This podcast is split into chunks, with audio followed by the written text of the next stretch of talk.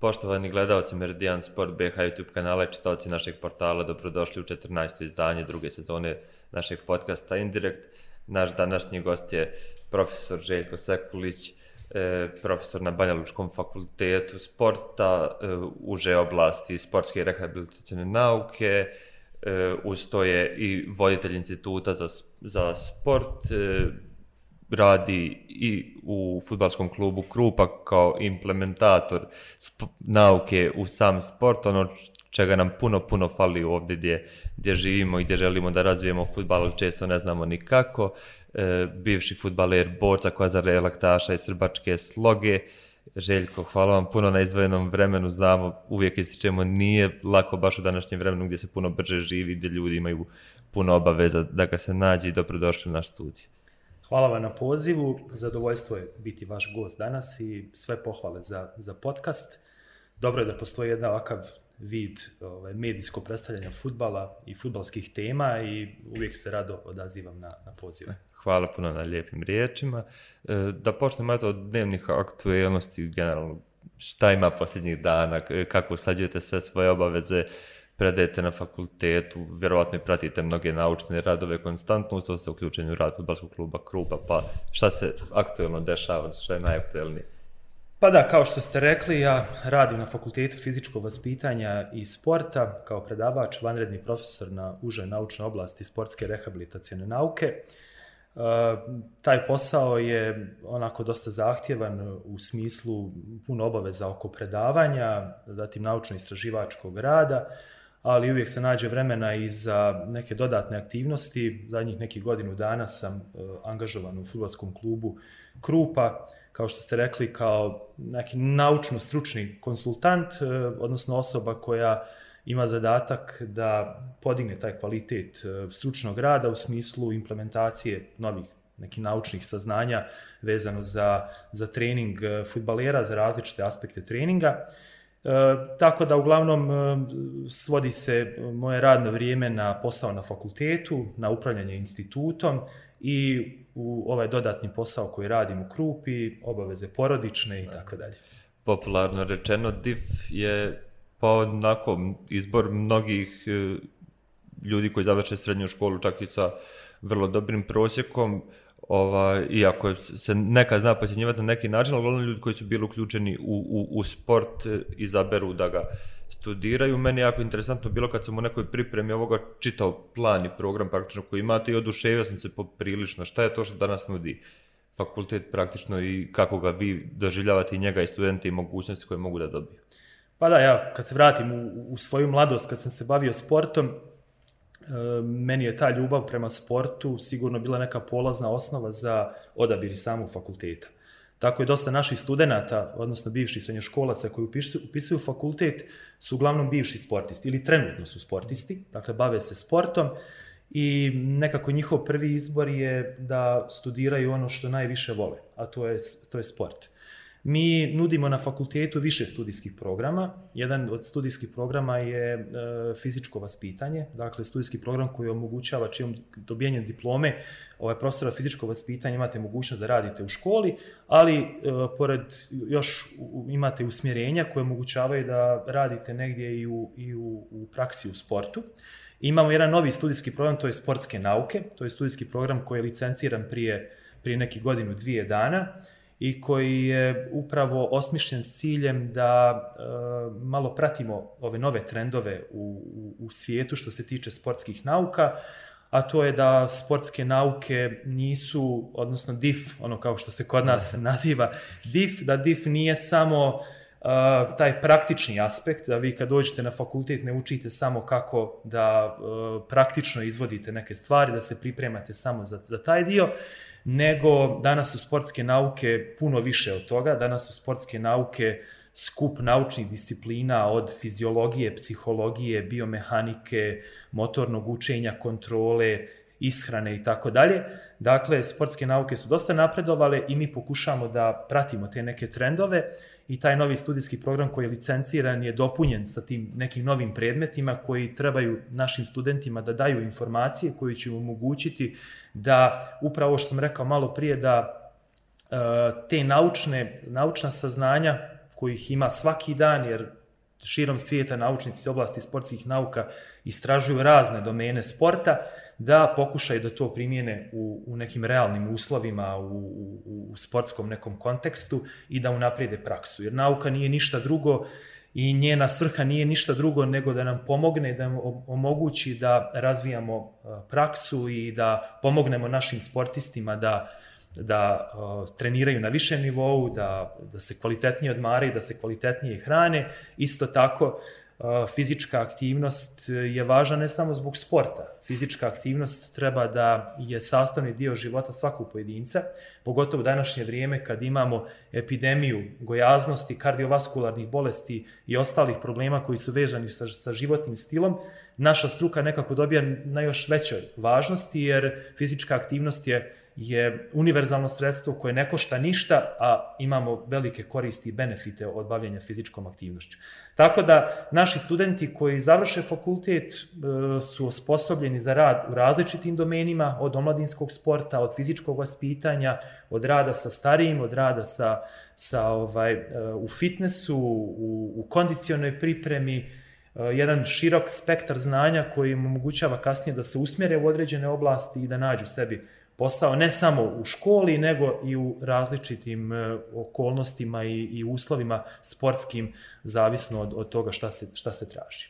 E, sve prisutne, odnosno sve prisutni stereotipi i te nikad podkrepljene društvene norme koje mi ovdje imamo često polarizuju nauku i sporta pogotovo futbal kao neke dvije stvari koje su nespojive. E, kada se vama javila ta ljubav prema nauci, kada ste se počeli usmjeravati ka tome, s obzirom da ste igrali futbal na najvišem mogućem nivou u našoj državi, praktično imate veliko premier ligačko iskustvo, igrali ste za Laktaše, Kozaru iz Gradiške, prije toga za e, Srbačku slogu, u Borcu ste ostavili također dubog trag. E, kada se to generalno pojavilo u vašem životu, kada ste shvatili da je to put kojim želite da idete i zašto prije svega?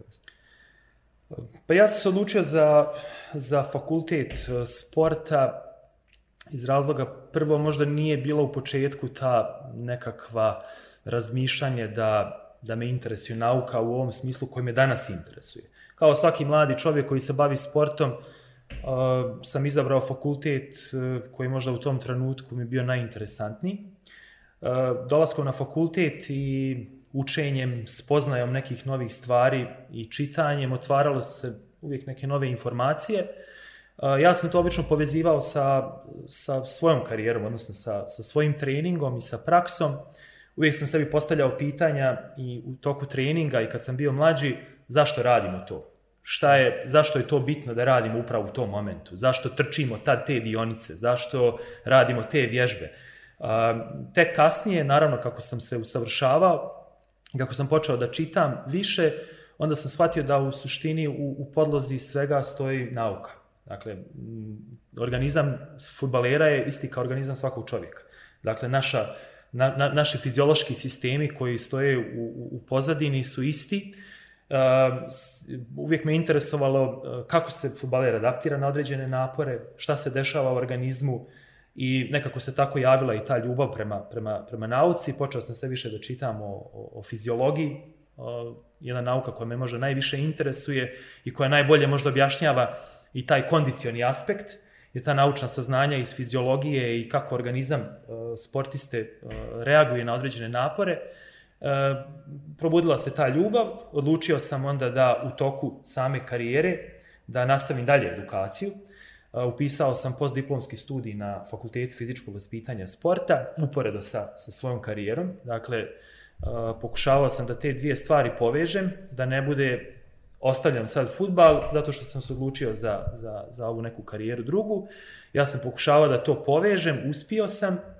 U to vrijeme sam, dok sam upisao postdiplomski studij, mislim da sam bio u laktašima, E, to je bio taj period kad smo mi ušli u Premier ligu i takmičili se u Premier ligi. Ja sam uspio u tom periodu i, i da se edukujem u, u naučnom smislu, da završim taj postdiplomski studij 2009. godine.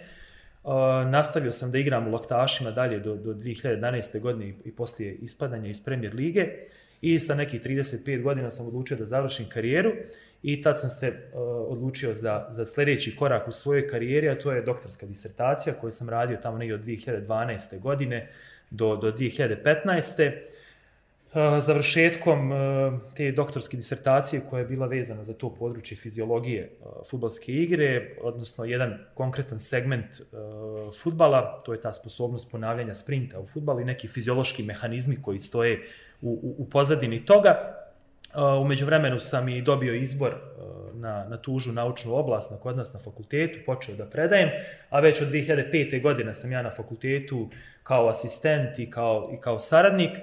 Tako da i ta ljubav je zato što e, čitanjem naučnih istraživanja i, i, i, i spoznajom da nauka stoji u pozadini svega, vama se otkriva i otvara jedan vrlo interesantan svijet uh, koji neko ko se bavi tim poslom zna o, o čemu govorim. I evo i danas, kad, kad sam već ovaj, u, u, u toj u zvanju vanrednog profesora, ne prestaje taj, taj proces edukacije. Mi smo, da kažem, osuđeni pod navodnim znacima da stalno moramo da pratimo, da čitamo, da radimo istraživanja, da budemo ono up to date što se tiče naučnih informacija. I onda još je dobra stvar ako to možete negdje da implementirate u, u konkretnim uslovima.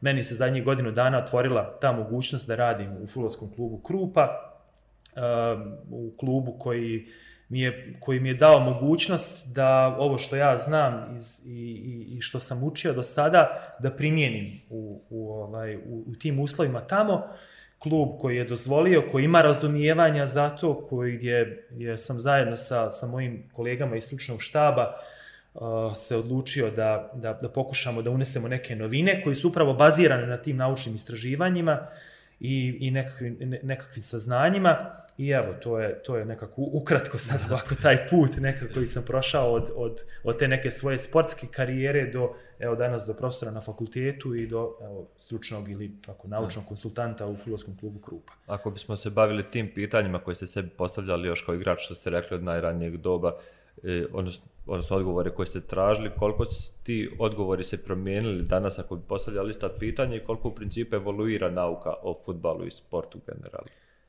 Pa značajno, značajno. Dakle, kad govorimo samo konkretno o futbalu, zadnjih period, zadnjih možda 20 godina je period značajnog upliva nauke u, u, u futbal. Sežu ti korijeni još daleko u, u, u prošlost. Nekako tom komercijalizacijom futbalske igre, odnosno futbala i ulaskom kapitala u, u futbal, ti investitori koji ulažu u futbal žele sigurno da se ta igra podigne na još viši nivo a to znači podizanje kvaliteta stručnog rada. A podizanje kvaliteta stručnog rada za sobom povlači e, i e, baziranje tog stručnog rada na, na, na nauci. Vi samo kad pogledate ko čini danas stručne štabove e, ekipa vrhunskih, da je to čitav jedan tim ljudi koji se bavi različitim aspektima ovaj, treninga, ne samo treninga, nego i, i ishrane, i oporavka, i psihološke pripreme, i rehabilitacije, i fizioterapije i tako dalje. Dakle, možemo vidjeti da je sigurno taj napredak futbala koji imamo danas i mogućnost da igrači igraju i po nekoliko utakmica sedmično, da je životni ili odnosno radni vijek uh, futbalera značajno produžen. Danas imamo futbalere koji i sa 35-40 godina igraju na vrhunskom nivou, što je bilo nezamislivo sigurno prije, prije možda 30 godina ali sve je to zahvaljujući nauci. Sve je to zahvaljujući primjeni tih naučnih ovaj, saznanja i metoda u, u procesu samog, samog treninga. Dosta se promijenilo od onih prvih nekih istraživanja, nekih 70. godina od profesora Toma Rajlija s univerziteta u Liverpoolu, koji danas ove podatke koje mi dobijamo rutinski iz ove primjere GPS tehnologije, Oni su to nekad radili pionirski, sjedeći na tribinama i, i bilježeći podatke koliko igrač pretrči, u kom intenzitetu i kakve su distance pretrčane. To su bili ti neki pionirski, pionirski ovaj, koraci u, u, u toj razvoju nauke u, u futbalu. Kasnije e, su naučnici počeli više da se bave, počeli su i, i, i ti kongresi koji su kupljali naučnike različitih profila samo s jednim ciljem da podignu kvalitet stručnog rada u futbalu i da implementiraju ovaj, te naučne, naučne saznanja u futbalu. U početku je to sigurno išlo sporije, a u današnje vrijeme to sigurno ide puno, puno brže, jer se ta saznanja, e, svaki dan dobijamo nove informacije koje moramo implementirati što prije ako želimo da taj stručni rad podignemo na, na, na viši nivo. Tako da, vi čak imate danas u svijetu e, univerzitete koji nude studijske programe koji se bave naukom u futbalu. Dakle, vi možete upisati studijski program da tri godine studirate samo nauku u futbalu. Dakle, to je... Fair ponuda, mislim. Da, što je vrlo interesantno. Dakle, u Engleskoj vi možete studirati, da ne pričamo o, recimo, o analitici u sportu. Možete se baviti tim segmentom, pa kondiciona priprema koja je zadnjih 20 godina dobila na, na, na velikom značaju ovaj, u pripremi futbalera, ishrana, isto jedan važan domen koji, koji sigurno omogućava da futbaleri igraju danas na ovom nivou koji nisu ranije mogli. Generalno, sve je to podignuto na, na puno viši nivo. Vi ako danas čitate ta istraživanja, da vidite da su to različita istraživanja iz različitih domena koji i to je i na jednu ruku olakšavajuća okolnost za trenere zato što imaju danas barataju sa puno više informacija, puno su dostupnije informacije, ali s druge strane trener mora biti otvoren za, za te stvari. Dakle, trener ne smije biti zatvoren sistem i trener mora biti taj koji će okupiti oko sebe tim ljudi koji će se baviti različitim domenima. Trener, trener ne može, glavni trener, bar ne može da se bavi svim tim segmentima, ali može da uvaži mišljenje, informacije koje dobije od ljudi iz svog stručnog štaba. I samo tim jednim sistemskim pristupom i prikupljanjem tih informacija i implementacijom tih informacija se može dostići vrhunski nivo. I vidim da klubovi danas i kod nas u Bosni i Hercegovini u Premier Ligi imaju već i stručnjake različitih profila da angažuju i kondicione trenere, malo koji klub da nema kondicionog trenera, da nema uh, trenere zadužene za različite aspekte ovaj, rada. Možda je ovo što, što postoji u klubu, možda je to neki pionirski ovaj, korak koji je napravljen, da se angažuje neko ko nije, nisam u klasičnom smislu trener, ali sam neko ko može pomoći struci da, jako svojim savjetom. Dakle, to je, to je nešto što je sad standard na zapadu, što je standard u, u, u ligama uh, vani. Ovaj, I uh, ti stručnjaci sigurno da značajno pomažu treneru da donosi kvalitetne odluke. Jer trener je taj koji, koji na kraju donosi odluke, ali uvijek su odluke kvalitetnije ako se donose na osnovu više informacija a tu su ipak timovi analitičara, kondicionih trenera, ljekara, fizioterapeuta, nutricionista i tako dalje. I kad se skupe sve te informacije, onda se sigurno mogu donijeti kvalitetnije odluke što se tiče treninga.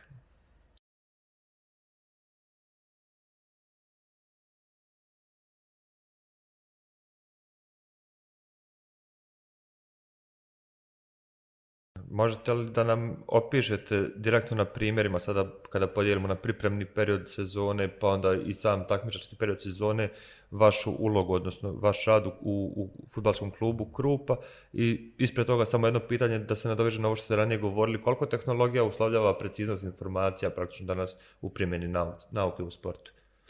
Pa nauka sama po sebi uh, hoće da barata sa što preciznim informacijama. Dakle, mi kad radimo neka istraživanja u, u, u, u našoj nauci, mi pokušamo da dobijemo što preciznije informacije. Dakle, nauka uh, i zaključci, naučni zaključci koje dobijamo iz istraživanja moraju da, da, da budu bazirani na što validnijim i što pouzdanijim informacijama. Dakle, nekad su te uh, mogućnost testiranja samih futbalera, mogućnost dobijanja preciznih podataka je bilo ograničeno. Danas, u današnje vrijeme, kako je napredovala tehnologija, i danas kad imamo mogućnost da naše sportiste, odnosno futbalere, testiramo različitim uh, opremom, ti informacije koje dobijamo su sigurno pouzdanije nego što je to nekad bilo. Uh, danas možemo da istestijemo različite parametre, različite fiziološke aspekte, dosta precizno. Naravno da je za to potrebna i oprema i, i, i znanje, ali sigurno te informacije koje dobijamo su puno preciznije nego što je to, što je to nekad bilo.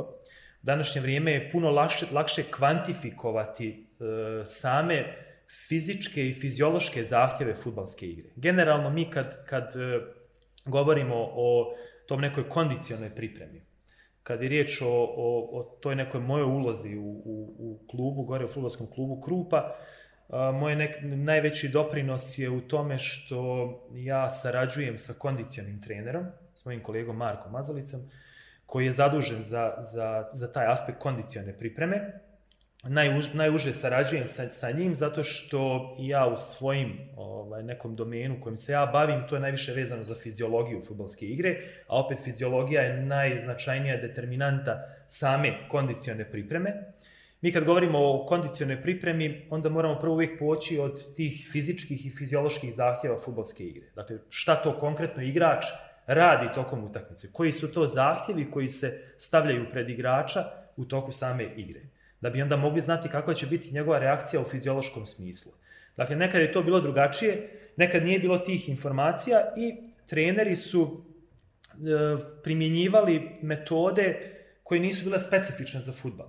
Dakle, ranije i u moje vrijeme kad sam se ja bavio futbalom i kad je bilo riječ o kondicionoj pripremi, onda se svi sjećamo tih beskrajno dugih trčanja, krugova, nešto što nije bilo specifično za futbal. Bio je dosta velik taj volumen opterećenja, ali na kraju to nije bilo toliko specifično i nije davalo efekte na ono što je igrača čekalo u toku same utakmice.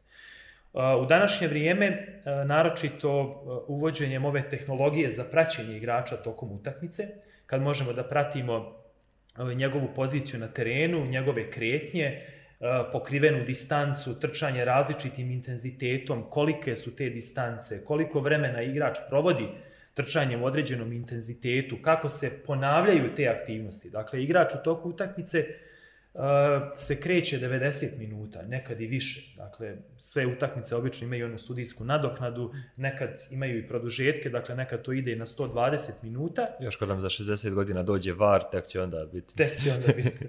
Ove, tako da, mi moramo prvo da poznajemo strukturu samih fizičkih zahtjeva futbolske igre. I rekao sam primjerom te savremene tehnologije, mi danas imamo egzaktne pokazatelje šta igrač to radi u toku utakmice. Dakle, znamo koliku distancu pokrije. To je danas jedan rutinski podatak. Vi kad gledate prenose uh, i kad vam izbace onu statistiku posle utakmice, vi vidite i pojedinačno igrače, vidite i cijeli tim, prosjek, vidite koliko oni u fizičkom smislu pokriju te distance tog utakmice. Ono što nam ta tehnologija također isto omogućava, a to je da znamo u kakvom režimu rada igrači provode vrijeme. Dakle, koliko imaju trčanja srednjim intenzitetom, koliko imaju visoko, visoko intenzivnog trčanja, koliko imaju sprinta u toku utakmice. I ti su pokazatelji nekakva polazna osnova za kasnije programiranje, programiranje samog treninga. Neophodno je kvantifikovati, ovaj, kvantifikovati samo opterećenje koje igrač, koje igrač na svakog igrača treba da se, da se izloži Cilj je e, da se e, postigne što kvalitetnija adaptacija organizma. Dakle, e, to se čini vrlo jednostavno kad govorimo u, u nekim terminima fiziološkim. Dakle, potrebno je da uz adekvatne određene stimulanse koje dajemo igračima omogućimo kvalitetnu adaptaciju organizma. To znači da igrač bude spreman za sve te zahtjeve koji ga čekaju tokom utakmice, da može da istrči sve to što se što igra traži od njega i da se odloži zamor. Dakle, zamor je najveći neprijatelj ovaj, sportista i futbalera. Pojavom zamora opadaju njegov učinak u, u toku utakmice i ono što je još kvalitetnije, a ono što je važno da napomenem, a to je da futbal nije determinisan samo fiziološkim uh, aspektima. Futbal, mi to zovemo u nauci, futbal je uh, kognitivno-perceptivna aktivnost. Dakle, uh, u toku igre futbaler je jedan sistem koji konstantno prima informacije iz sredine. Dakle, e, igra je dosta složena, uslovi igre su dosta variabilni i mi moramo kao igrač u toku utakmice prikupljamo veliki broj informacija. A zašto je važna kondicijona priprema? Važna je da mi možemo da ispoštujemo sve te zahtjeve, da, da ne dođe do velikog zamora, jer kad dođe do velikog zamora, ono što se prvo kompromituje, to je proces donošenja odluka. Dakle, mentalni zamor je nešto što je jako bitno, jer mentalni zamor umanjuje kvalitet donešenih odluka. Čim loši donosite odluke u toku utakmice, vaš učinak je loši. Povećava se broj grešaka i vaša, vaš učinak u toku igre je, je puno manji. A, zato je važna kondicijana priprema. Vi nećete sad uočiti nekakve značajne razlike gledate igrače na vrhunskom nivou. Svi oni i trče visokim intenzitetom, i sprintaju, i pokriju veliku distancu. Ono što pravi razliku je upravo ta sposobnost donošenja kvalitetnih odluka. Zato je futbol kompleksan, zato što vi morate 11 igrača da ukomponujete i svaki od tih igrača mora da bude na pravo mjesto u pravo vrijeme i da donese pravu odluku. A kondiciona priprema, odnosno taj visok nivo fizičkih sposobnosti je nešto što se podrazumijeva, nešto što morate imati na tom nivou. Da ne bi bilo kompromitovan taj proces donošenja odluka koji je bitan za učinak igrača u, u, u toku utakmice. E, nije lak posao, mi ga pokušavamo da ga baziramo na što više kvalitetnih informacija, zato i testiramo naše futbalere na, na, na, na početku, pripremnog perioda na tim nekim informacijama koje dobijemo, mi onda baziramo sam taj proces priprema, biramo metode koji ćemo raditi, biramo opterećenja.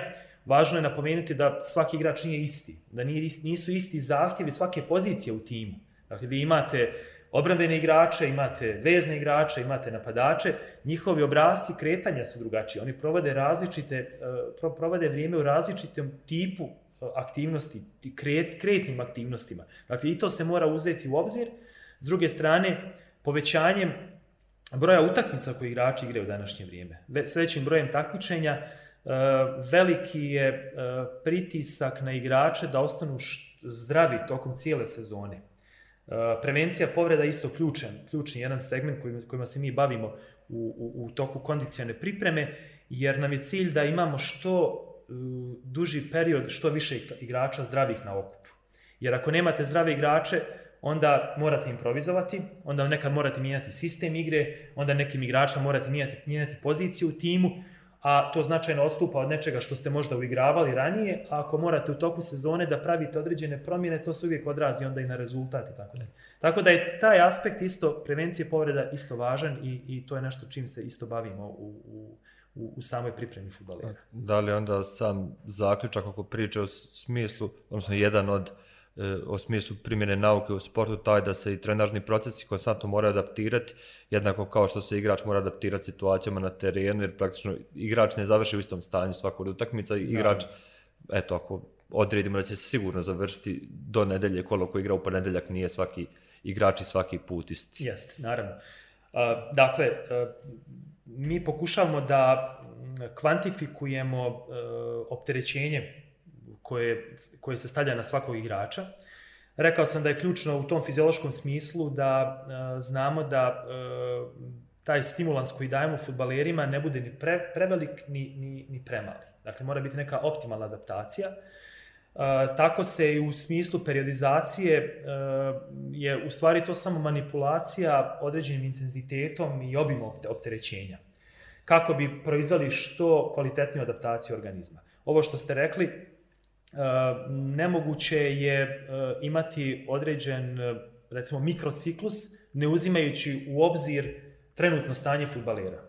Dakle, kada je riječ o futbalu, mi onda imamo stalno spinjivanje tih sedmičnih mikrociklusa. Dakle, kad se završi jedna utakmica, već počinje sljedeći, sljedeći mikrociklus, to je priprema za, za sljedeću utakmicu. Ono što prvo moramo da utvrdimo, to je stanje naših futbalera poslije same utakmice, kad je najveći napor, i da pratimo taj dinamiku oporavka naših futbalera. Kako to radimo?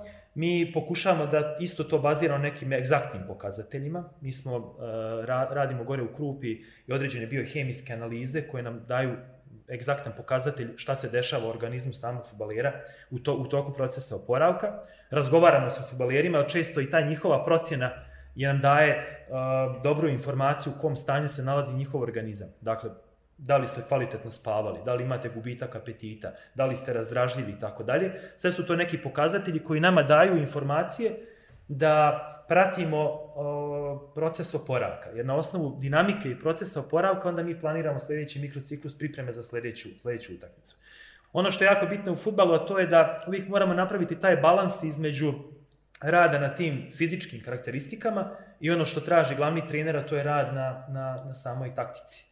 Dakle, ono što je možda najveći iskorak u današnjoj savremenoj tehnologiji ovaj, treninga i pripreme futbalera, to je što su treninzi postali spe, specifični. Dakle, za, za, pokušava se integrisati taj kondicioni, odnosno fiziološki aspekt sa, sa tim uh, taktičkim i tehničkim aspektom. Dakle, da se ne gubi puno vremena. Nemate vi sad mogućnost da trošite previše vremena a da, uh, a da ne dobijete onaj efekat koji želite. Dakle, cilj je da vi integrišete što više ta dva segmenta u jedan, kako bi se onda igrači ove, radili i na različitim aspektima. Dakle, morate ekipu i uigrati, da bude spremna za, za napor koji ih očekuje u toku utakmice, za zahtjeve koji ih očekuju, a s druge strane da budu i u fizičkom smislu spremni za, za, za sledeću utakmicu i zato je, taj, zato je ta važna komunikacija između, između trenera, važna je komunikacija sa medicinskim dijelom, važna je komunikacija sa tim kondicionim aspektom i, ovaj, i na, tek na osnovu tih informacija onda donosimo zaključke šta raditi u tom, u tom mikrociklu. Dakle, opet pokušavamo da, da baziramo i da donosimo odluke na osnovu nekih egzaktnih ovaj, pokazatelja, a da što manje improvizujemo. Da.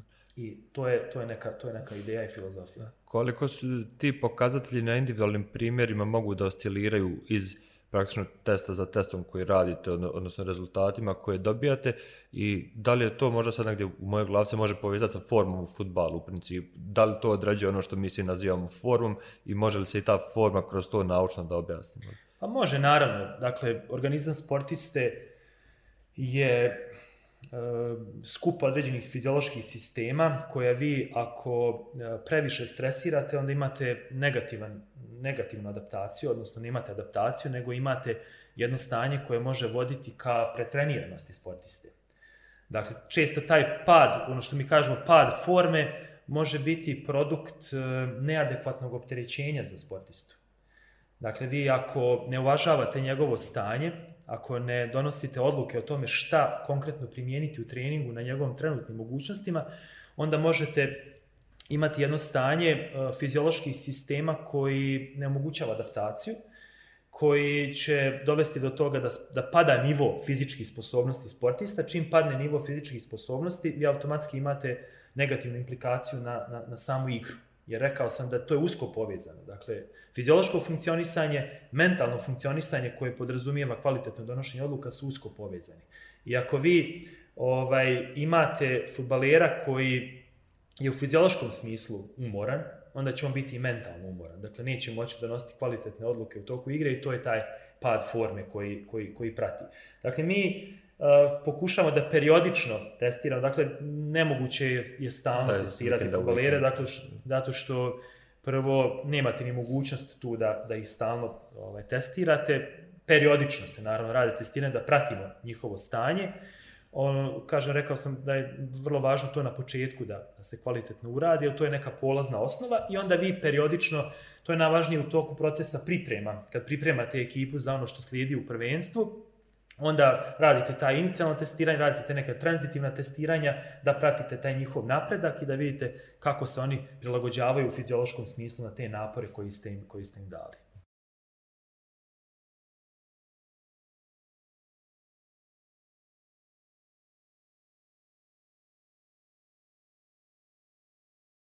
Ono što je specifično za bosansko-hercegovački futbal je da igrači tokom svoje karijere često mogu da praktično se pomjeraju iz trećeg, četvrtog ranga takmičenja do najvišeg ranga takmičenja. E, koliko u tim slučajevima se mogu prepoznati ti fiziološki problemi, odnosno koliko je tu njegova prethodna metodologija rada njega ograničila, mislim i na taktičkom nivou sigurno jeste, možda i na tehničkom, ali pogotovo najviše na tom kojim se vi bavite, odnosno gdje vi primjenjujete nauku da to ispravite praktično, odnosno analizirate ili kako jeste. Pa proces razvoja futbalera je je dug proces, da kažem tako. Dakle, dijete kad uđe u, u proces treninga, danas je to dosta rano, sa 6-7 godina, treba da, treč, treba da teče jedan proces jednog uh, višestrukog razvoja mladih futbalera. Dakle, i u tom uh, tehničkom smislu, i u tom fiziološkom smislu, i u tom mentalnom, i u intelektualnom. Dakle, E, to su procesi koji trebaju da teku od, od ranog perioda. Naravno da mi pratimo uh, fizički razvoj, odnosno odrastanje djeteta. Dijete od perioda od 6 do 7 godina pa tamo do 19. godine kad je neki juniorski uzrast prođe kroz buran proces rasta i razvoja. Uh, trener je taj koji mora da poznaje te, tu dinamiku razvoja i da daje adekvatne E, sadržaje djeci kako bi se oni pravilno razvijali. Tako isto vezano i za kondicionu pripremu.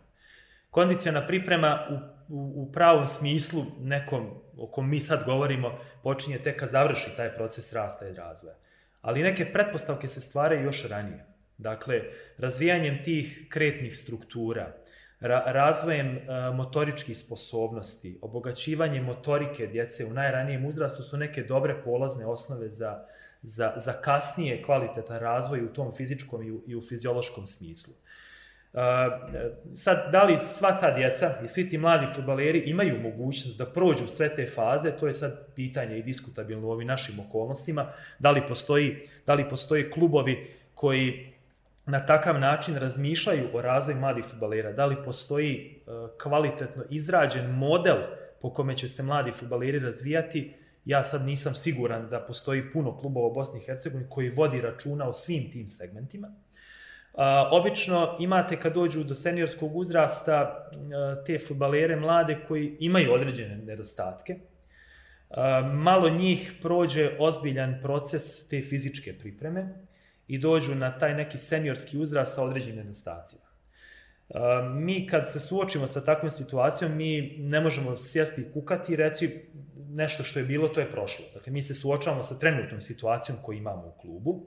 Mi imamo, evo, sad trenutna situacija koja je bila u Krupi, da je ekipa iz, izašla iz Premier Lige, da se promijenio cijeli igrački kadar, da smo doveli igrače koji su igrali i u nižim rangovima takmičenja, gdje sigurno nisu imali taj kvalitet rada kao što imaju sad u, u, u klubu.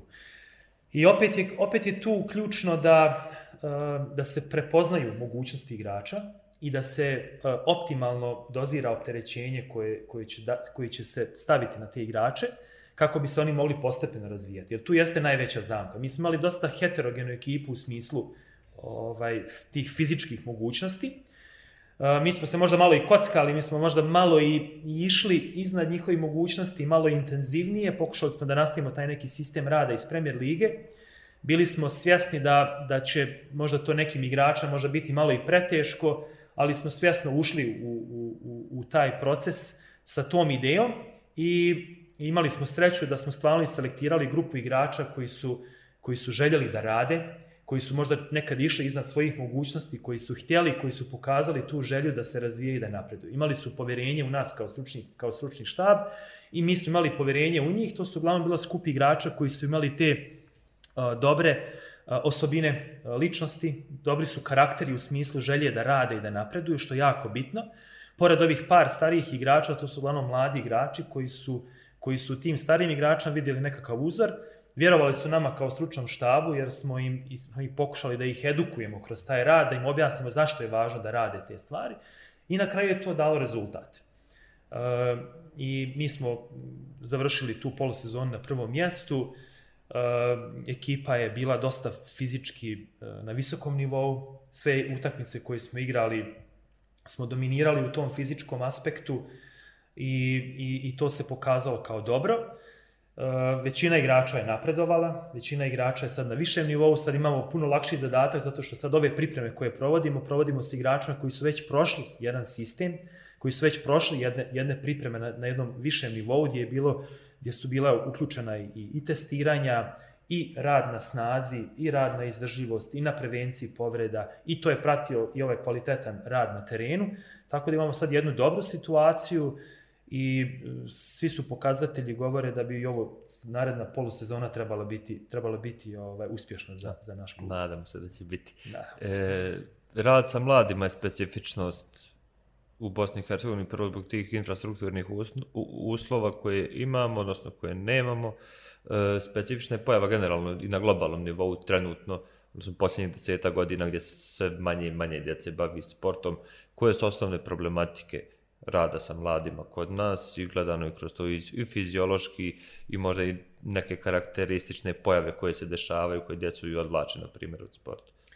Kao što sam rekao malo prije, proces razvoja mladih futbalera, generalno sportista, ne samo futbalera, je, je proces. Čim je proces, ne može biti jednostavan, jer je tu, to je dug vremenski period. Rekao sam da u današnje vrijeme djeca dosta rano ulaze u nekakav organizovan proces treninga ili učenja. Ja bih to prije nazvao proces učenja. To nije trening u, u pravom smislu riječi, to je nekakav proces učenja i jedan pedagoški proces koji bi trebao da, da bude. Dakle, dijete ulazi u školu futbala, konkretno u futbalu, sa 6-7 godina već. Dakle, evo, svjedoci smo ovdje kod nas u okruženju i u gradu, da imamo dosta i klubova i, i škola futbala. Ovaj, gdje imamo dječake i djevojčice u, u tom uzrastu 6-7 godina. Šta je osnovni problem? I je nedostatak jednog kvalitetnog modela. Dakle, vi morate imati model rada. Vi morate imati model koji je baziran. Kako se rade ti modeli? Ti modeli moraju biti bazirani prvo na, eh, na nauci. Dakle, vi morate poznavati eh, proces fizičkog rasta i razvoja djece, proces sazrijevanja djece. Vi morate znati kako se organizam djeteta razvija, kako se dijete mentalno razvija, kako se dijete fiziološki i fizički razvija. Jer to je jedna ključna osobina i odnosno ključna karakteristika i podatak koji moramo baratati kako bi taj model onda na, na zdravim osnovama postavili. Dijete od 6. do 19. godine prođe buran period rasta i razvoja. Dakle, obično taj model rada se e, bazira na određenim fazama. Dakle, imate fazu, ne znam, od 6. do 9. godine, 9. do 13. i tako dalje. Dakle, u tim fazama e, se rad bazira upravo na tim mentalnim i fizičkim karakteristikama djece. I onda sadržaj koji vi dajete djeci moraju biti uh, upravo bazirani na tim informacijama koji, koje treba da barata. Dakle, svaki trener kad ulazi u taj proces treninga, odnosno procesa učenja, mora da barata sa tim informacijama, odnosno sa tim naučnim saznanjima. Druga stvar, uh, mi ako pripremamo dijete za, za savremenu futbalsku igru, mi moramo da proanaliziramo šta je to savremena futbalska igra koji su to zahtjevi, šta treba da učimo djecu, e, kakav, kakav je to neki model igre. Dakle, obično se naučnici, treneri, analitičari bave analizom vrhunskih ekipa. Pa, ne znam, analiziramo zadnje svjetska, evropska prvenstva, lig šampiona i tako dalje, pa vidimo kakve to ekipe dominiraju, koji to stilovi igre, šta se to traži od sav, u savremenom futbalu. Ali ono što je jako bitno i što ne treba zaboraviti, a to je da je, ne treba ni fokus biti samo na tom futbolskom razvoju. Fokus treba biti na jednom holističkom pristupu, na jednom e, sveobuhvatnom razvoju ličnosti djeteta. E, trener je taj koji treba da e, bude e, servis djetetu, neko ko da bude podrška, ko će davati adekvatne sadržaje i omogućiti da se dijete slobodno razvija. U današnje vrijeme veliki je problem tog prenaglašavanja rezultata, E, gušenje te slobode djeteta u igri. Nekad u moje vrijeme isto mi e, smo počinjali da se ozbiljno bavimo sportom tek tamo kasnije, 13. 14. 15. godina. U današnje vrijeme treneri, a i roditelji već hoće da im dijete sa 12-13 godina već bude gotov proizvod, da već bude igrač u, u, u pravom smislu te riječi, da već bude neko ko će... Ko će... deset medalja da se maše komšijama pred nosom. Yes. Dakle, e, ne treba tre, prebrzo insistirati na tome. Treba polako, treba razmišljati da se dijete pravilno e, razvija. Dakle, taj prvi, prva faza u tom modelu razvoja mladih futbalera ne smije da e, izostavi ono što je ključno za djecu, a to je igra. Nesputana dječija, slobodna igra je nešto što nema alternativu u tom najranijem uzrastu. Šta je cilj te prve faze? Cilj te prve faze je da dijete stekne ljubav prema toj aktivnosti da ono stekne tu unutrašnju motivaciju, da ono ide na trening zdravo, sretno, zadovoljno i da doživi pozitivnu emociju. Da se ono izigra na tom treningu, da ono ne uči nikakve tehnike, da ono uh, uči te tehnike indirektno, da vi dajete nekakve određene sadržaje, zabavne aktivnosti, gdje će oni uh, učiti, gdje će se oni zabaviti, a učit će uh, tehniku futbolske igre. Dakle, ne mora to biti. Tek kasnije, kad dijete postane neko, počne da, da funkcioniše na nekom višem mentalnom nivou, onda to može dobijati polako već neke organizovane oblike treninga, organizovane oblike učenja i cilj je da vi do tamo negdje 13. 14. godine radite samo na tom individualnom razvoju. Dakle, taj individualni razvoj podrazumijeva da vi imate uh, dijete koje je u tehničkom smislu kvalitetno, da imate dijete koje je uh, sposobno da tu tehniku primijeni u igri. Šta je bitno? Uh, mi, recimo, radimo na tehnici, ali zanemarimo jedan bitan, bitan faktor, a to je da tu tehniku treba negdje primijeniti. Dakle, tehnika nije nešto što je bitno samo za sebe, već je tehnika nešto što treba da bude funkcionalno, nešto što će omogućiti da dijete riješi neki konkretan problem iz igre.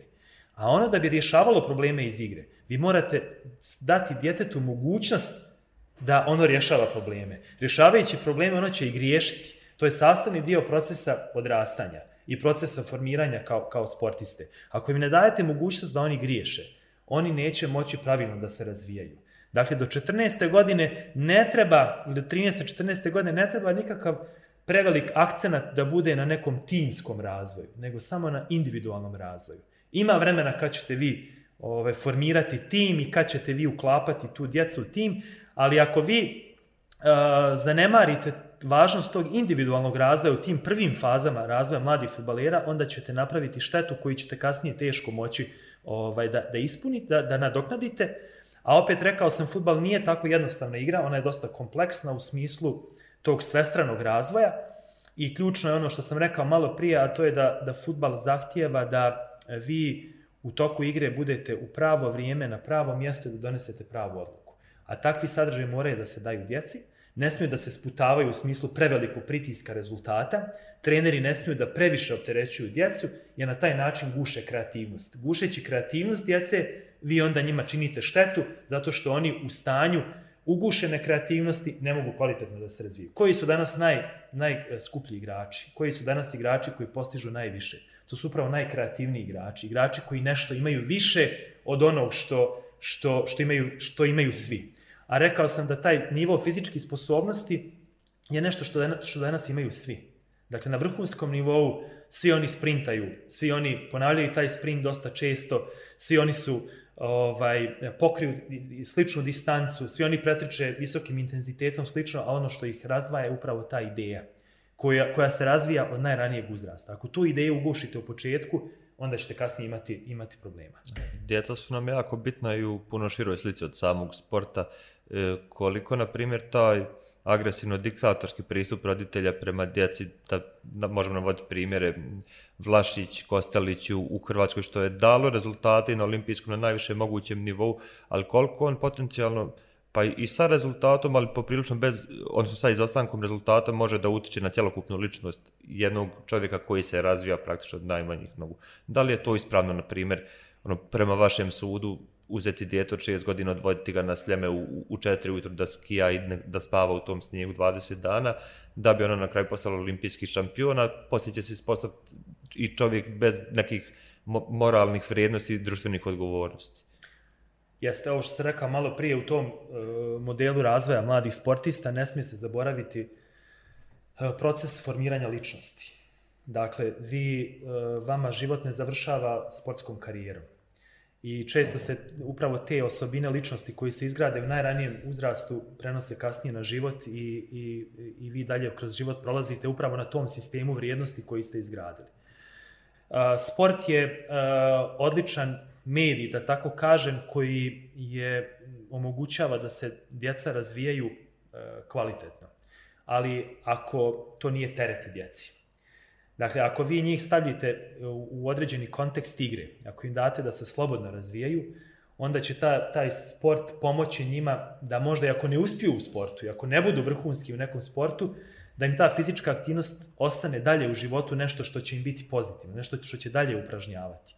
Ja rekao sam da uh, cilj, jedan od cilj tog uh, sportskog razvoja uh, treba da bude naravno i biranje onih najboljih koji će postizati vrhunske rezultate, ali s druge strane mi smo svjesni da oni svi ne mogu dostići taj nivo. Dakle, uh, sva ta djeca koja uđu u proces učenja i proces razvoja tog sportskog, jedan manji procenat njih će ovaj, ostvariti sportske karijere.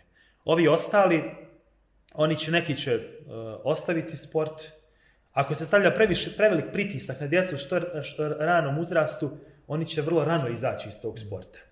Dakle, te posljedice negativnog pritiska koji se stavlja na djecu uh, može imati za posljedicu rani izlazak iz sporta.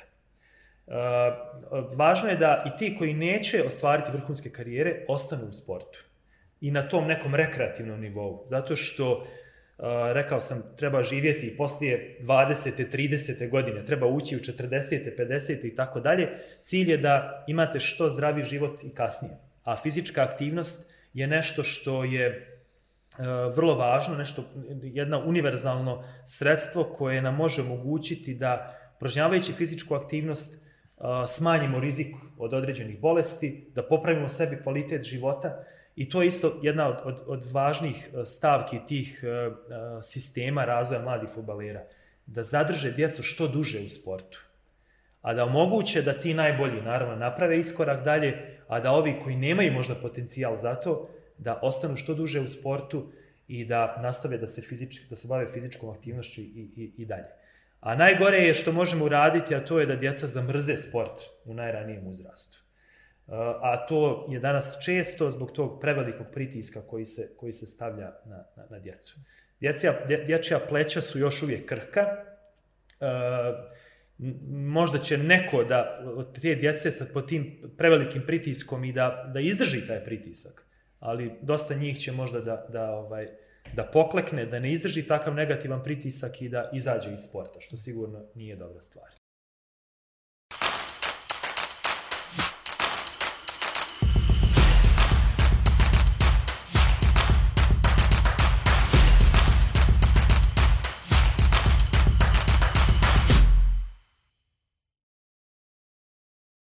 Pričali ste o tome da neće si uspjeti u sportu, znači ne mogu sva djeca, niti ima mjesta, niti je prirodno praktično i trebali bi se da se učimo uspjesima i neuspjesima još od, od najranijih perioda života, e, ali koji je to period života kada se najčešće pojavljuju te indicije da bi neko mogao u principu? I, i, i, kog, i da li postoji neki definisan period procjenjivanja? I u principu iako ih postoji više tih perioda koji je najrelevantniji, koji najčešće da ispravan rezultat, ispostavi se tačnije. E, kao što sam rekao, proces taj selekcije ljudi često posmatraju kao nekakav trenutni odabir. E, proces selekcije je jedan proces koji traje, dakle gdje vi imate jednu grupu sportista koji pratite određeni vremenski period. I naravno da u jednom trenutku vi e, na osnovu određenih kriterija i parametara i, i procjenjujete da li neko ima mogućnost, da li neko je iznad tog nekog prosjeka, Da li je neko na prosjeku, da li je neko ispod prosjeka. Dakle, mi u našim uslovima ovdje u kojima radimo nemamo sad mogućnost e, da baš radimo selekciju na nekim oštrim kriterijima, da odbacujemo djecu, jer nemamo tu mogućnost. Dakle, nemamo mi sad ovdje nekakvu veliku bazu i, i, i izvor, ovaj, dakle, crpimo tu djecu, ali je vrlo važno da e, stalno pratimo, zato kažem da je važan taj model razvoja mladih zato što svaki od tih faza u tom razvoju ima određene kriterije koje djeca treba da ispune u tom razvoju. E, ako vi pratite te kriterije, vi možete jasno da procjenjujete da li dijete na tom nivou zadovoljava te nekakve ovaj, kriterijume, onda imate s druge strane taj proces, e, problem što se proces selekcije poklapa sa procesom rasta i razvoja. Vi često imate problem što treneri selekciju, odnosno odabir dječaka vrše na osnovu fizičkih karakteristika. Uh, mi znamo da u procesu rasta i razvoja djeca ne sazrijevaju sva djeca istom brzinom. Imate neku djecu koju sazrijevaju brže, imate neku djecu koju sazrijevaju na vrijeme, imate neku djecu koja kasne u procesu tom sazrijevanja. I treneri često uh, selektiraju, odnosno biraju djecu koja su fizički dominantnija ta djeca, naravno u tom uzrastu, ako ste vi brži, jači, viši, da ćete dominirati, što ne mora znači da vi dominirate na osnovu futbolskog znanja, nego da dominirate na osnovu fizičkih karakteristika. Zato u procesu selekcije često se javlja ta zamka, a to je da vi možete da negdje gurnete u stranu neko dijete koje je možda fizički inferiornije, ne može zbog te svoje inferiornosti da pokažete svoje kvalitete, a možda stavljate u drugi plan neko dijete koje je fizički dominantnije, mora se procjena vršiti ne samo na osnovu fizičke karakteristika, nego upravo na, ovu, na, na, ovim, na ovim stvarima kojima sam govorio, a to su te uh, tehničke vještine, perceptivno-kognitivne vještine, donošenje odluka i tako dalje, ideja u igri i to. To su, to su jako bitne stvari na osnovu kojih se treba donositi Dijet, kako dijete barata loptom, kako vlada loptom, kako uh, izvodi određene tehnike, kako bira rješenja u igri. To su jako bitne stvari na osnovu kojih se može procijeniti da li to dijete ima nešto više, da li ima nekakvu, nekakvu ideju. Uh, jer ako bazirate tu selekciju samo na tim fizičkim karakteristikama, onda ćete sigurno izgubiti neko dijete. Rađena su istraživanja ovaj, da je dosta djece u tom procesu selekcije izgubljeno upravo zbog toga. Ima dosta djece koja, koja su uh, izabrana u određene timove, rođena su u prvoj polovini godine. Dakle, velika je, velika je stvar da li je neko dijete rođeno u januaru mjesecu, na početku godine, ili je rođeno u decembru. Dakle, to je dug period i ako se to poklopi sa tim periodom ubrzanog rasta i razvoja, dakle, imate dijete koje je rođeno u januaru, koje je možda i akcelerant, koji je na nivou djeteta, ako ima možda, ne znam, 12 godina, a već na nivou djeteta od 14-15 godina, imate možda dijete koje je 12 godina, a na nivou djeteta od 10 godina. Znači, velika je to razlika. I ne treba žuriti sa procesom selekcije, ne treba neku djecu brzo isključivati, treba ih pratiti. Treba, uh, treba taj proces selekcije bazirati na više informacija, na više indikatora. Ako uzmete više indikatora u obzir, onda ćete donijeti sigurno kvalitetniju odluku. Ako samo bazirate selekciju na jednom, na jednom faktoru, onda je velika šansa da, da pogriješite i da tom odabiru u toj selekciji neko dijete ovaj, izgubite, a da možda favorizujete neko dijete koje u tom trenutku možda pokazuje neke karakteristike, ali vremenom će se one početi gubiti. Jer ako, eh, kad prođe taj proces rasta iz razvoja, onda djeca polako počinju da se izjednačavaju tim fizičkim karakteristikama, a dijete ako nema te tehničke karakteristike, vještinu s loptom, kvalitetnu ideju, odluku, onda, onda te, te fizičke karakteristike neće moći to da nadomjeste. To će uvijek biti limitirajući faktor koji će mu kasnije u procesu selekcije ovaj, eh, sigurno biti nešto što će ograničavati njegov razvoj. Kada bi težnja klubova bila da budu što više društveno odgovorni, da li bi u tom smislu onda modeliranje treninga, odnosno na, i tih načina rada sa mlađim selekcijama trebao da podrazumijeva i veću prisutnost razvoja tih kognitivnih sposobnosti umjesto nekih tehničkih ili usmjeravanja ka e, postizanju boljih rezultata, jer i sama, i prije nam je bio slučaj, a i sama pojava je sad sa uvođenjem zaštićenog godišta u Premier ligu da što manji broj mladih ljudi adekvatno završi srednju školu, završi na pravi način, o daljem obrazovanju da ne pričam. Koliko ih to može usporavati, generalno koliki problem imamo s tim što se klubovi generalno nisu toliko društveno odgovorni i ne bave se edukacijom svojih igrača mimo samog terena. Jeste. Da, e, naravno da, da dijete, da se ne smije za, zapostaviti taj aspekt obrazovanja. Dakle, e, mi nismo nikad e, sigurni u kom će to pravcu sportska karijera djeteta ići.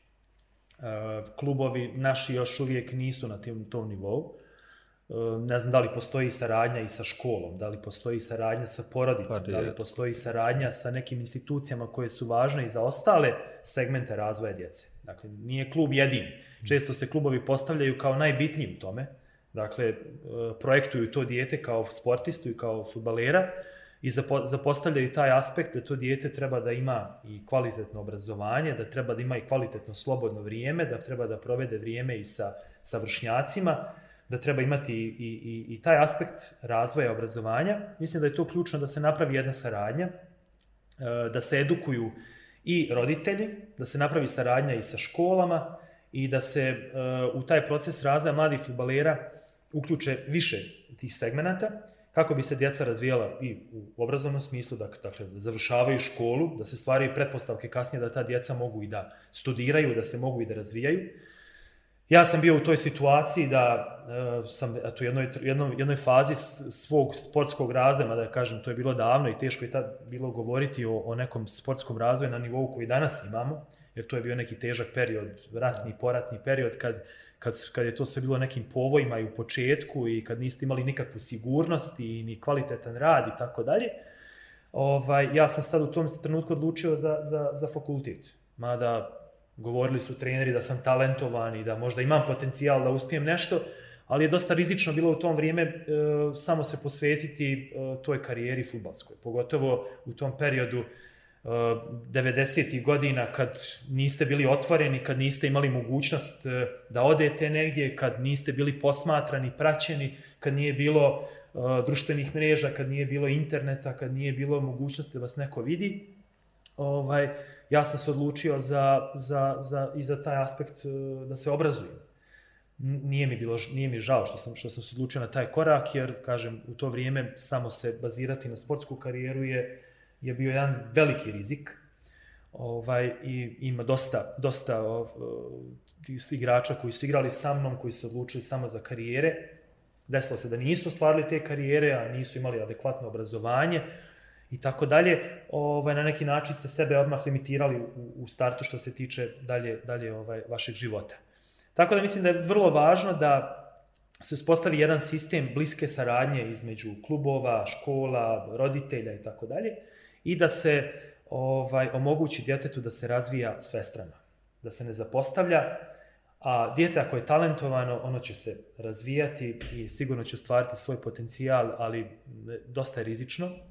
Mada je to e, dosta primamljiva profesija, dosta je, dosta je lijepo se baviti sportom i, i kad vidite profesionalne sportiste kako žive i, i, koliko zarađuju i kakav je njihov život, sigurno da to mladog čovjeka odmah oduševi i da vidi sebe da negdje projektuje. I ja imam dijete, imam dječaka sad od 13 godina koji igra košarku i koji, uh, kojima su glavni uzori igrači iz NBA lige i, i prati svakodnevno šta oni rade i kako se oblače i, i šta rade i tako dalje. Razumljivo. Dakle, razumljivo je da djeca u tom uzrastu imaju idole, da se poistovjećuju s nekim, ali opet kažem, važno je da se ne zapostavlja taj aspekt obrazovanja, jer vrlo je važno da se dijete razvija svestrano, da, da shvati da, da ima i drugi stvari osim sporta, da je bitna i umjetnost, da je bitna i muzika, da je bitno i druge stvari, jer ovaj nije život samo sport, ali kažem, nikoga ne, ne, ne sad ne odvlačim od sporta i Ma, nisu ove neke informacije koje treba da,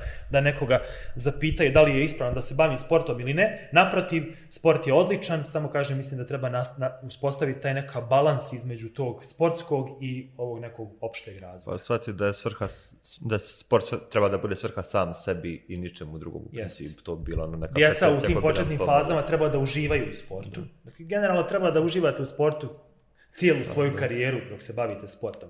Jer staje u, u suštini sport je igra. Nešto što je nama iskonsko i nešto što mi nosimo još i kao djeca. I ljudi kad uđu u neke ozbiljne godine vole da, da, da igraju. I imate danas i, i ljudi kad završe karijere vole i da igraju i futbal i rekreativno i tenis i košarku i tako dalje. Igra je nešto što je nama urođeno i, i, i nešto što treba da, da je neka osnovna, osnovna ovaj, karakteristika. I, i treba uživati u tome. Ne treba da bude prevelik pritisak, naročito, jer bit će pritisak. Dijete ako postane ovaj, profesionalni sportista, onda će biti puno pritiska i, i, i, i nešto što će, ga, što će svaki dan da, da prolazi kroz iskušenja rezultata, pritiska i tako dalje, ali nema potrebe da djeca prolaze to u najranijem uzrastu. Dakle, puste ih, nek, nek se razvijaju, nek uživaju u toj igri, ima vremena kad će, kad će biti pod pritiskom.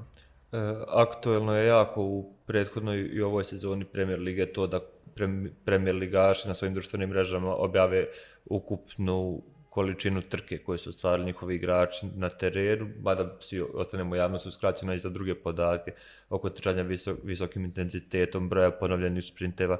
E, šta je tu najmjerodavnije u principu kada se priča o tom fiziološkom kvalitetu, o motoričkom ili kako god da ga zovemo, šta se najviše vredno u evropskom futbalu, gdje smo mi u odnosu na to i ono, šta možemo očekivati u budućnosti? Da, uh, rekao sam da u vrijeme, skorije vrijeme kako je tehnološki napredak omogućio da kvalitetnije pratimo šta to igrač uradi tokom utakmice, da smo počeli dobijati i egzaktnije pokazatelje. Naravno da e, se dosta tih informacija možemo naći u istraživanjima, dakle naučnici e, koji se bave tim aspektom fiziologije futbalske igre, objavljuju istraživanja gdje mi možemo da pročitati šta je to što igrači u toku utakmice uradi. Šta to što pravi razliku između onih koji su kvalitetni i oni koji su manje kvalitetni. Rekao sam malo prije da je futbal kompleksan i da e, fizička sprema neće sama po sebi donijeti e, prevagu i da neće biti ključni faktor koji će omogućiti da ostvarite vrhunski rezultat, ali je neophodna. Neophodna je nešto kao nešto što se podrazumijeva, nešto što e, morate imati da bi bili konkurentni na, na tom visokom nivou.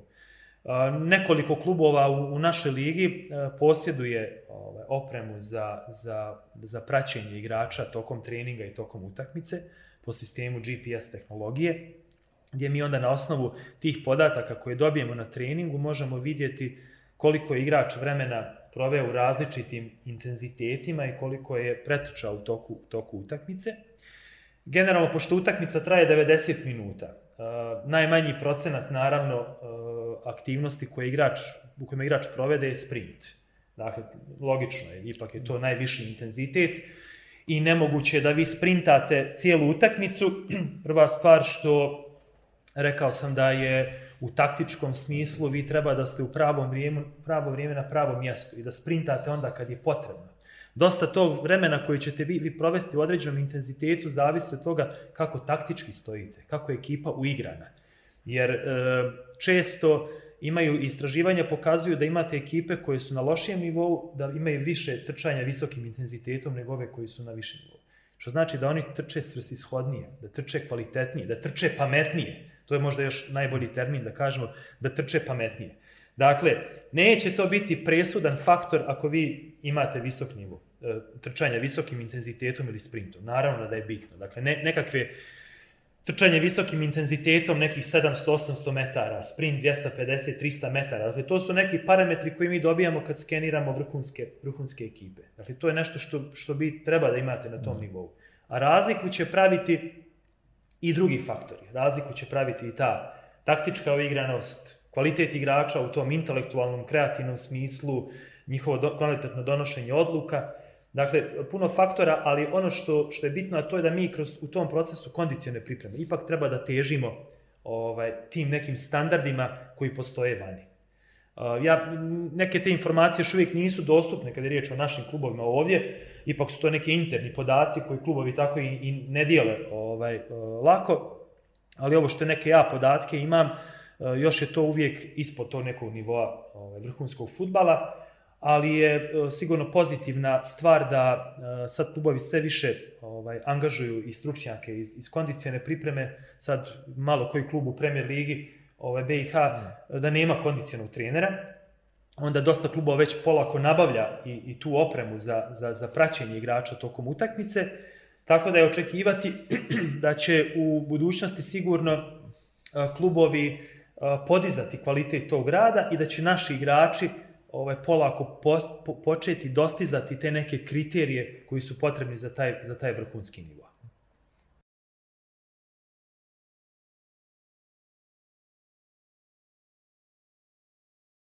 Sve o čemu smo malo prije pričali vodi do onoga čim se aktivno smo se počeli baviti tek nedavno praktično u našem futbalu, a to je zamor. E, danas imamo mogućnosti da ima, dobijemo indikatore zamora uživo u toku utakmice, da ih možemo da pratimo, što i postaje sve češće slučaj u Premier Ligi, u našem futbalu generalno.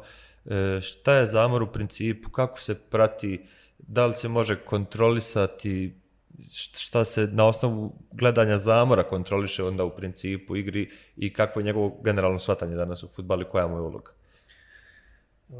Jedna od tih tema je bila i tema mog uh, i moje doktorske disertacije. Dakle, mene je isto interesovalo taj fiziološki mehanizmi zamora. Znamo da je futbalska igra, kad, kad gledamo samu strukturu igre, aktivnosti, imamo smjenjivanje aktivnosti visokog intenziteta i niskog intenziteta. Dakle, igrači dosta vremena provede i u stajanju, i u laganom, i u hodanju, u laganom trčanju i tako dalje ali oni ključni momenti koji se dešavaju u toku utakmice su upravo aktivnosti visokog intenziteta.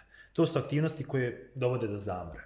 Dakle, mi, imamo dva neka aspekta zamora koji su bitni u futbalu, a to je taj neki trenutni zamor. Dakle, vi ako ste igrač na nekoj poziciji, ako ste u nekom momentu uključeni u nekakve aktivnosti, vi doće do pojave tog nekog e, trenutnog zamora, koji je prolaznog karaktera, i ovaj, koji, koji vi prevaziđete u toku utakmice i imate taj jedan zamor koji se akumulira, koji dovodi do pada izvedbe kako se mi približavamo kraju utakmice. Dakle, ta akumulacija zamora dovodi do toga da istraživanja pokazuju da vi e, pretrčite manju ili kraću distancu i pretrčite e, kraću distancu visokim intenzitetom kako se približavamo kraju utakmice.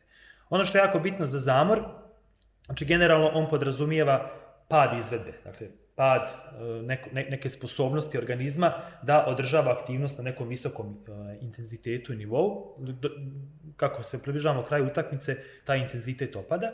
Upravo jedan od zadataka kondicione pripreme jeste da smanji uh, taj uticaj zamora na izvedbu, da odgodi taj zamor i da ga minimizira, da bude što, što manji. Jer uh, najveći broj pogodaka u toku utakmice i pada posle grešaka. Ono što je bitno u, u, u tom smislu je da taj fiziološki zamor e, dovodi i do mentalnog zamora.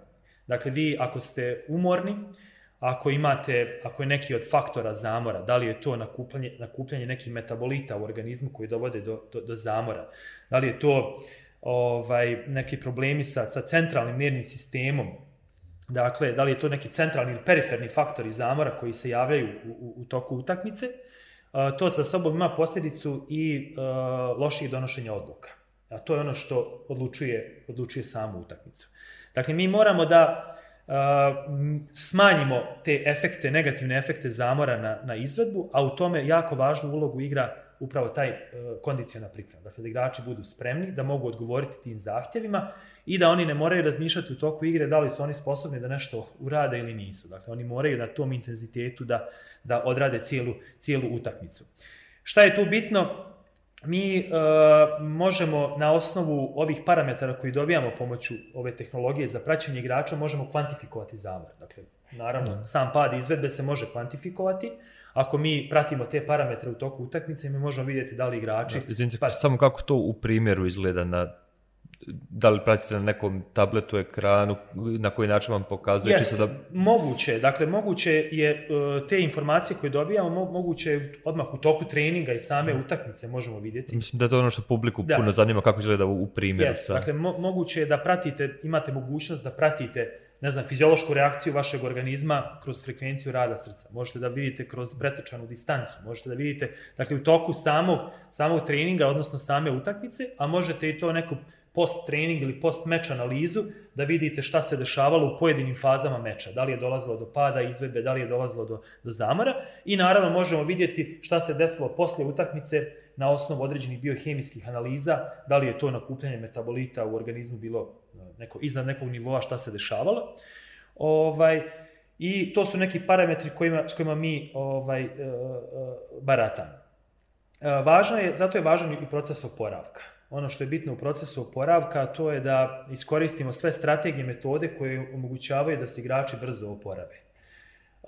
U toku utakmice vi možete uticati na neke stvari. Vi možete, ne znam, u, u toku utakmice da, da razmišljate o uzimanju tečnosti. Dakle, ako se, ako se izvodi trening ili, ili je utakmica se igra u uslema visoke spoljašnje ove temperature, sigurno da će taj gubitak tjelesne tečnosti može uticati na, na, ovaj, na, Sam. na, sa, na samu izvedbu, jer je pokazalo se da pad da pad ovaj količine ovaj odnosno gubitak tjelesne tečnosti utiče negativno na, na izvedbu. S druge strane, vi morate razmišljati o tome da vaši tre, e, igrači u samu trening, odnosno utakmicu, uđu odmorni, da uđu sa e, adekvatno, e, sa, adekvatnim, sa adekvatnom ishranom, Dakle, ono što je bitno u futbalu, a to je da e, futbal, pošto je visoko intenzivna aktivnost, vi morate paziti da vaši futbaleri uzimaju dovoljnu količinu ugljenih hidrata u, u, u pred trening i, i poslije trening. Naravno da to nije toliko važno kao recimo u, u maratonu, triatlonu i tako dalje, ali istraživanja su pokazala ako vi uđete u, u utakmicu sa nekim nižim nivom glikogena, odnosno depoa ugljenih hidrata u organizmu, da to može negativno da se odrazi na, na izvedbu u sportu. Istraživanja su rađena, naroče tamo 60. i 70. godina švedski naučnici iz, iz fiziologije sporta su dosta radili istraživanja iz fiziologije, biopsije mišića, metabolizma ovaj, ugljenih hidrata i glikogena, šta se dešava, kako se prazne ti depoji u, u našem organizmu i kako to negativno utiče na, na, na izvedbu. Tako da isto to jako važno. Ishrana je jedan, jedan ključan segment. E, ja sam se u zadnje vrijeme odlučio da, da, da, da se dodatno edukujem u, u, u tom domenu ishrane ovaj, trenutno pohađam jedan, jedan, jednu edukaciju ovaj, iz ishrane u, u sportu. Cilj mi je i da uh, pomognem uh, da i taj segment uh, adekvatno ovaj, da imaju adekvatne informacije i, i, i da dobiju naj, najkvalitetnije preporuke kako da se hrane ovaj, i, i kako da, da, da, da im hrana pomogne da, da se kvalitetno adaptiraju na treninge, da se kvalitetno odmaraju, da, da uđu kvalitetno ovaj, u sam trening i, i, i utakmicu. To je isto jedan segment koji, koji je ključan i danas sve jedan tim u, u, u, ovaj, u vrhunskom nivou ima ljude koji su zaduženi i za, i za taj segment. Dakle, rekao sam da vi morate paziti šta vaši igrači unose, morate paziti na proces, ako je recimo proces, uh, ovo recimo konkretno sad priprema, pripreme su neki period kad su igrači izloženi najvećim naporima, kad, kad, kad je vrlo važan taj period oporavka, ishrane, e, odmora za, za sljedeći trening, kad igrači treniraju po dva puta dnevno, onda je važno jer e, adaptacija organizma nastupa u procesu oporavka. Ako organizam, recimo, nema adekvatan unos, energetski unos, ako nemate adekvatan unos proteina, onda će sigurno adaptacija organizma biti kompromitovana, a to će na kraju sigurno dovesti u nekim neželjenim ovaj, efektima i do možda pretreniranosti i do povrede. Recimo, ako vi konstantno trenirate u nekakvom stanju e, nedovoljne e, dostupnosti energije, ako niste e, adekvatno odmorni, ako niste hranjeni adekvatno, onda je sigurno učestalost povreda puno veća nego kad se misli na sve te segmente. Mm, doveli ste me do pitanja svih pitanja, pizza i pivo poslije utakmice, da ili ne? Pa, pa da, kad, kad govorimo, kad govorimo, opet ćemo se vratiti na nauku. Dakle, ono što sam rekao, to je da uh, futbolska utakmica je veliki napor za, za igrače. Dakle, oni pretrču, pretrče preko uh, 10, 12 do 13 km u toku utakmice različitim intenzitetom. Ugljeni hidrati su osnovni ovaj, energente, da tako kažem, za, za aktivnosti ovaj, toku futbolske utakmice. Sigurno dolazi do pražnjenja ovaj, tih depoa u, u, u mišićima i u jetri i ono što je bitno da to je da se u tom procesu postije treninga, odnosno postije utakmice, što prije ovaj, nadomjeste ti depoji. I sad je odabir hrane, ovaj, sigurno da kad govorimo o, o tim nekim namirnicama koji ste vi pomenuli, pizza i tako dalje, da je sigurno konzumiranje u nekim ogromnim količinama ljudi koji nisu fizički aktivni može dovesti do, do povećanja ovaj, energetskog unosa i do gojaznosti. Kada je riječ o, o futbalerima, odnosno vrhunskim sportistima koji su svakodno izloženi uh, velikim naporima, onda, onda se ne mora baš toliko striktno razmišljati. Naravno da je iskreno važno da bude zdrava, da igrači unose različite ovaj, namirnice iz različitih tih prehrambenih grupa, ali ako se popije jedno, dva piva, ako se pojede pizza, sigurno da neće imati neki negativan, negativan efekt na, na, na, na, na zdravlje. Znači, ima nekih opravdanja za ima, to. Ima, ima, okay. e, ostala nam još jedna tema da je obradimo koliko je u vašem domenu praktično nauka koju vi proučavate, koliko ona zauzima u objašnjavanju samog toga što se u posljednje vrijeme, nažalost, dešava sve češće u svijetu e, profesionalnog sporta, a to su ovi učestali padovi na terenu, gledanje igrača u čudnim stanjima, mislim, šokantnim stanjima prije svega, e, ti srčani problemi koji se pojavljuju, e, šta se krije za toga, koliko ulog ima zamor, koliko imaju s aspekta vaše nauke i druge stvari u svemu tom? Napori koji danas, kroz koje danas prolaze savremeni sportisti i futbaleri su sigurno veći nego što su nekad bili. Puno se više trenira, granice te pomjeranja ljudskih mogućnosti su sve manje i manje, dakle zato i nauka igra toko, toliko važnu ulogu, zato što se traže metode koji će pomoći da se ta izvedba podigne na što viši nivo. Dakle, napori koji, kroz koje igrači prolaze danas su veliki, ti slučajevi koji se dešavaju u vrhunskom sportu sigurno nisu nikome dragi, nije lijepo vidjeti kad, kad se dešavaju te situacije da, da igrači ove, padnu na terenu, da kolabiraju, da, da ne daj Bože izgube život i tako dalje. Da li se povećava rizik od tih situacija ako se igrači stavljaju pred, pred tako visoke napore? Sigurno da da. Ovaj, možda je to neka više tema za, za, za doktore, za, me, za medicinsku struku koja se više bavi tim, tim aspektima. Generalno igrače prolaze kroz rigorozne ljekarske preglede, rade se, rade se ovaj, testovi, klinički testovi i pod opterećenjem i, i ultrazvuk srca i tako dalje. Pokušava se smanjiti ta mogućnost i vjerovatnoća nekih neželjenih ishoda što više. Dakle, nama jeste cilj, niko od trenera i od stručnog tih ljudi koji rade u, u sportu i u futbalu nije drago da se desi tako nešto. I onda je uvijek važno da, da ti sportisti prođu kroz, kroz što rigorozni proces uh, testiranja, kontrole, utvrđivanja nekih stanja rizika koji bi uh, mogli dovesti do, do, do, do takvih neželjenih situacija.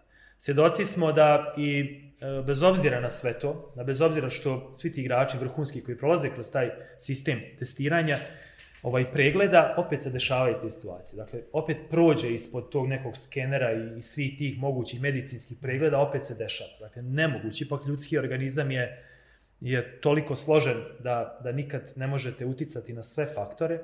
Cilj je da, da se to što više minimizira, da se što više smanje ti, ovaj, ti, ti rizici. Ako u startu postoji neki problem, koji, mo, koji može medicinska struka da utvrdi da ima neka kontraindikacija za bavljenje, važno je da se, da se, ovaj, da se ukaže na to, da se vidi da li je taj sportista ograničen, da li on može da se bavi sportom, da li može da se bavi uz neka ograničenja i tako dalje, na kom nivou. Dakle, važna je ta saradnja i sa medicinskom strukom, a s druge strane važno je da ljudi koji rade konkretno u treninzima, da prate opterećenja, da, da prate ta stanja sportista, da im ne dovode u nekakva opterećenja na koje igrači ne mogu da se adaptiraju, gde se njihovi fiziološki sistemi, kardiovaskularni, respiratorni i tako dalje, ostali sistemi stavljaju možda pred, pod prevelike napore, da se igrači adekvatno pripremaju, da se prati njihov proces oporavka i da se smanji taj rizik. Dakle, to je, to je ključno. Uh, imamo danas, današnje vrijeme i, i problem sa nekim nepoznatim možda bolestima. Recimo ova infekcija COVID je i, i ta neka stanja koje se javljaju poslije, poslije prelaženih tih bolesti su i nepoznanica i današnje medicini.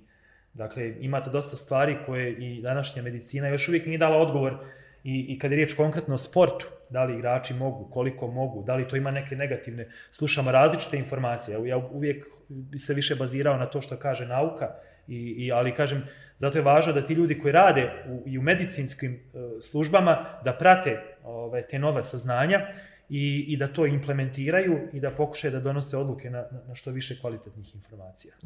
Željko, hvala vam puno na današnjem gostovanju. Ja se prije svega nadam sada, mislim, ovo je jedna od redkih situacija koja me sada apsolutno ne zanima broj pregleda ili bilo što od podcasta. Svo znanje koje ste danas podijelili sa nama, nadam se da će uticati na to da se ljudi, da će motivisati određene ljude da se ili formalno ili bar čitanjem nekih e, radova krenu baviti mal, malo više tom samom naukom u sportu krenu istraživati, jer ovo stvarno bilo inspirativno što sam danas čuo. Ono, na trenutke je stvarno bilo ono američki vau, da kažem sam sebi, da hvala vam još jednom hvala, stvarno.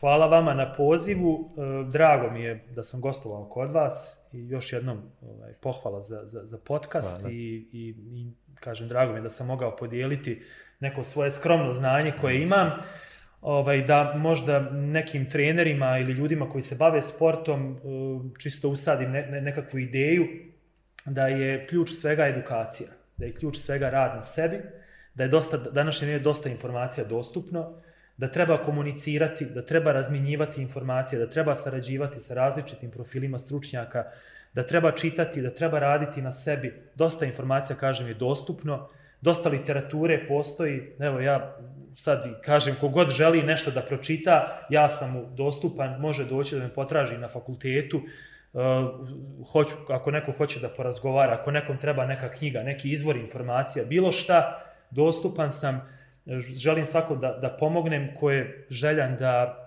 da svoj rad i, i, i, i svoju praksu bazira na nekim provjerenim informacijama i da, i da pokuša da pomogne tim mladim ljudima da ispune svoj potencijal. Dakle, ve, velika je šteta ako mi imamo mlade sportiste koji imaju potencijal, a mi ne dozvolimo da taj potencijal oni ispune upravo zbog toga što ih ne treniramo na adekvatan način. E, to je najveći problem. Dakle, da se unište ili da se umanji mogućnost nekome da ostvari svoje snove samo zato što, mi, što, što smo mi kao treneri uradili pogrešan posao i što nismo dali mogućnost tom sportisti da se razvija na adekvatan način. Još jednom hvala na, na, na pozivu i otvoren sam za bilo koji vid saradnje u budućnosti. Hvala puno vama, još jednom nema na čemu. Poštovani gledalci, ovo je bio profesor Željko Sekulić u 14. izdanju druge sezone podcasta Indirekt, s koje se nadam da ćete ostati dalje, jer ćemo se truda vam donesemo što više ovakvih inspirativnih priča potkrepljenih znanjem, koje će možda i vama, kao što nama mijenjaju samu perspektivu na futbal. Mislim, moramo mijenjati perspektivu na futbal, moramo se mi unapređivati kao što se ono napređuje jer je najvažnije što imamo na ovom svijetu, tako da budite nam zdravi, dobri, veseli i najavljujem samo da ćemo uskoro Marko i ja raditi i odnosno vraćamo se Premier Ligaškom podcastu, analizirat ćemo prijelazni rok, tako da i to će uskoro te izaći.